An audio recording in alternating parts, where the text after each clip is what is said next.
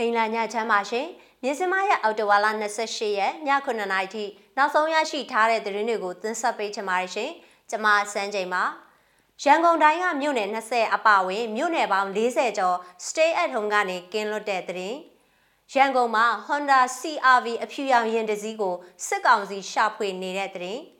လူငိမ့်ခွင့်မှာပါတဲ့မိထီလာ NLD လွှတ်တော်အမတ်မတရားအသင်းဆက်သွယ်မှုနဲ့ပုံမှန်အသစ်ထပ်သူပြီးတရားစွဲဆိုခံရတဲ့သတင်း ပသိမ်ကြီးမြို့နယ်မှာပြစ်ခတ်ခံရမှုဆက်တိုက်ဖြစ်ပွားနေလို့အုပ်ချုပ်ရေးမှုတွေနှုတ်ထွက်စာတင်လာကြတဲ့ပြည်တွင်းသတင်းတွေနဲ့သူဟီရိုရှီမာနျူကလ িয়ার ဘုံးတံကနေအသက်ရှင်ကြံရစ်သူအသက်66နှစ်မှာကွယ်လွန်သွားပြီဆိုတဲ့နိုင်ငံတကာသတင်းကိုတင်ဆက်ပေးပါရမယ်ရှင်။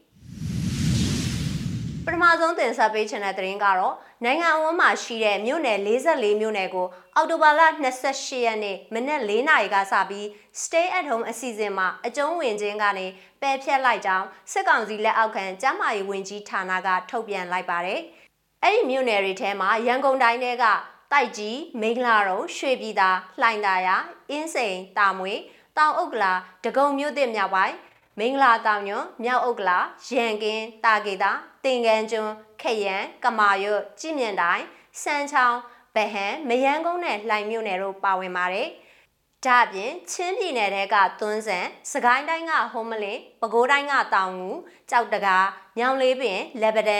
တာယာဝတီအုတ်ဖိုတို့ပါဝင်ပြီးမကွေးတိုင်းထဲမှာတော့ပွင့်ဖြူမြို့နယ်ပါဝင်ပါတယ်။ မန္တလေးတိုင်းထဲမှာမန္တလေးကမြို့နယ်ခုနှစ်ခုလုံးနဲ့မြင်းချံပျော်ပွဲရမဲသင်းတို့ပါဝင်ပါတယ်။မွန်ပြည်နယ်မှာတော့တထုံနဲ့အေရဝတီတိုင်းမှာဘိုးကလေးနဲ့ဟင်္ဒရာတို့ပါဝင်တာကိုတွေ့ရပါတယ်ရှင်။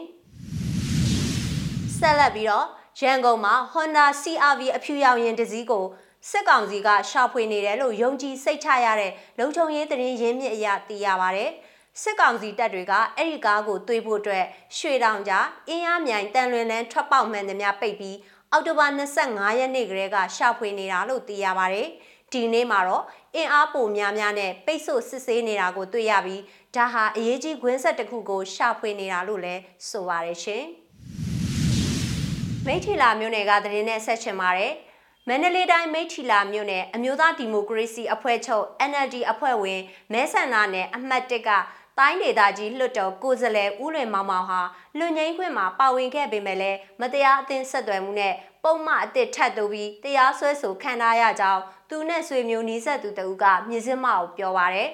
ဦးလွင်မောင်မောင်ကိုပြီးခဲ့တဲ့အောက်တိုဘာလ18ရက်ညနေ6နာရီဝန်းကျင်မှာလွန်ငင်းချမ်းသာခွင့်နဲ့လွတ်ပေးခဲ့ပေမဲ့မိထီလာထောင်မူဝရှေ့မှာပဲလက်ထိတ်ခတ်ပြီးပြန်လဲဖမ်းဆီးခဲ့ကြောင်းသိရပါရယ် အဲ့ဒီနောက်မှာအမှတ်1မြို့နယ်ရဲစခန်းကိုသူ့ကိုခေါ်ဆောင်သွားခဲ့ပြီးမတရားအသင်းဆက်သွယ်မှုပုံမှန်ဆက်ခွန်တင်တဲ့စစ်ကောင်စီလက်အောက်ခံအမှတ်3စခန်းမှုကတရလိုလုပ်ပြီးထက်မှန်တရားစွဲလိုက်တာဖြစ်ပါတယ်။သူ့ကိုစပြီးဖမ်းတာ905ကကြီးနဲ့ဖမ်းတာလွန်ငိမ့်ထဲပါလာပြီးမှပြန်ဖမ်းခံရတာအော်တိုဘာလ9ရက်မှာ CRPH နဲ့ဆက်သွယ်ရဲဆိုပြီးအမှတ်3စခန်းမှုကတရလိုလုပ်ပြီးဆက်ခွန်တင်တဲ့ပုံမှန်ထပ်တတ်တာ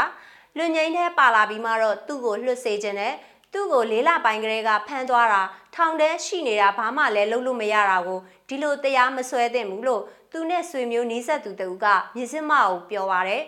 မိထီလာအကျဉ်းထောင်မှာနိုင်ငံရေးအကျဉ်းသား38ဦးရှိတဲ့ထဲက28ဦးကိုစစ်ကောင်စီကပြန်လွတ်ပေးခဲ့ပြီးနောက် လွန်ငင်းချမ်းသာခွင့်မှာပါတဲ့ဥလွင်မောင်မောင်အပါဝင် NLD ပါတီဝင်နိုင်ငံရေးအကျဉ်းသား12ဦးကို အမှတ်1ရဲစခန်းမှာဖမ်းဆီးထားပြီးနိုဝင်ဘာလ2ရက်နေ့မှာတရားရုံးတင်မှာဖြစ်ကြောင်းသိရပါဗျ။ဥပဒေကိုလက်တလုံးချလောက်တာပေါ့အမှုတစ်ခုလွတ်တာနဲ့အစ်စ်ပုံစံပြန်လောက်တာဥလွင်မောင်မောင်ကိုသူတို့မလွတ်ပေးခြင်းလို့ဥပဒေနဲ့မညီပဲပုံမှန်တက်တာပါလို့ CDM ပြုတ်လုထားတဲ့တရားသူကြီးဦးကောင်းမြတ်သူကပြောပါရရှင်။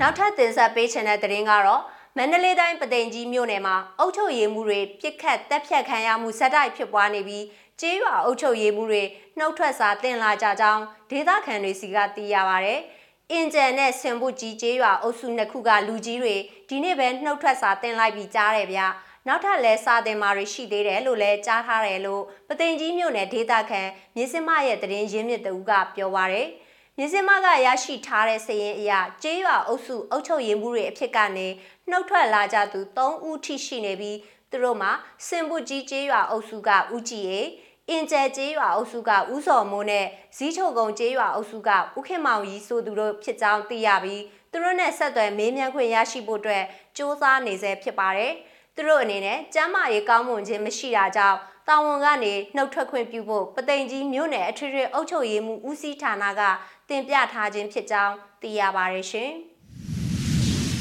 နိုင်ငံတကာဘက်မှာတော့ဟီရိုရှီးမားနျူကလ িয়ার ဘုံးနံကနေအသက်ရှင်ကျန်ရစ်သူအသက်66နှစ်မှာကွယ်လွန်သွားပြီဆိုတဲ့အကြောင်းကိုလည်းတင်ဆက်ပေးချင်ပါတယ်ရှင်ဟီရိုရှီးမားမြို့ကိုသမိုင်းဝင်အလဲပတ်ရောက်လာတဲ့ဘရက်ကိုဘားမားနဲ့တွစ်ဆုံခဲ့တဲ့ ထင်ရှားတဲ့နျူကလ িয়ার ဖျက်သိမ်းရေးတက်ကြွလှုပ်ရှားသူဆူနာအိုဆူဘိုအီဟာအသက်66နှစ်အရွယ်မှာကွယ်လွန်သွားပြီလို့သူ့ရဲ့ COA အဖွဲ့က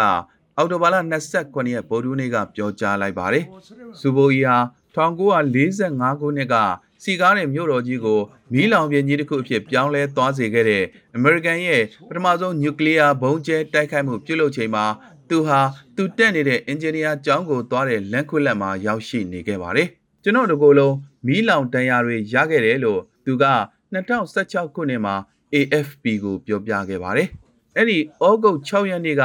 ကိုလုံးဒီနဲ့3နာရီလောက်ပြေးနေခဲ့တာနောက်ဆုံးလမ်းမလျှောက်နိုင်တော့တဲ့အထိပဲလို့သူကပြောပြပါတယ်။အဲ့ဒီနောက်မှာတော့အသက်20အရွယ်၎င်းဟာကြောက်ခဲတစ်လုံးကိုကောက်ယူပြီးမြေပေါ်မှာဒီနေရာမှာစူဘိုဤကွယ်လွန်သည်လို့ရေးပြီးသတိလစ်သွားခဲ့ရမှာသတင်းပတ်ပေါင်းများစွာကြာပြီးမှ ပြန်သတိလဲလာခဲ့ပါတယ်။အဲ့ဒီနောက်ပိုင်းသူ့မှာကင်ဆာနဲ့အခြားရောဂါတွေဖြစ်လာခဲ့ပေမဲ့အနုမြူဘုံဘေးက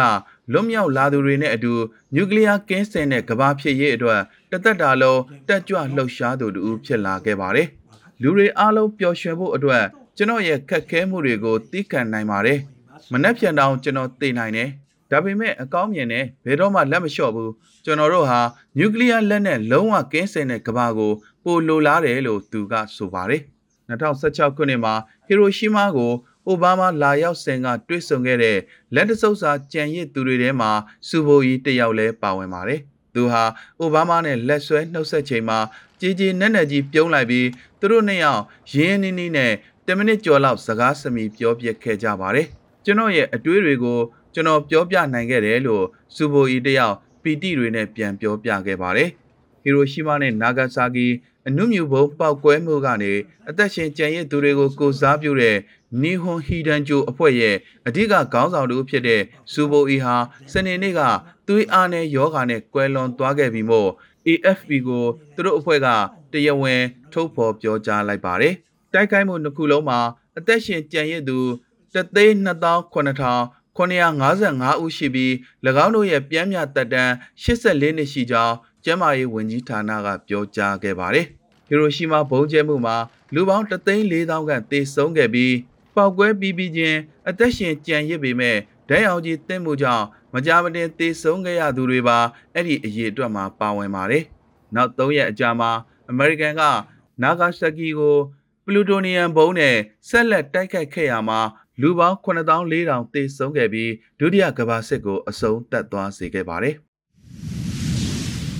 မြစမရဲ့အော်တိုဝါလာ28ရက်ည9:00နာရီထိနောက်ဆုံးရရှိထားတဲ့သတင်းတွေကိုတင်ဆက်ပေးခဲ့တာပါကြည့်ရှုအားပေးတဲ့အတွက်ကျေးဇူးအထူးတင်ရှိပါတယ်မြမပြည်သူတွေဘေးအန္တရာယ်ပေါင်းကကင်းဝေးကြပါစေရှင်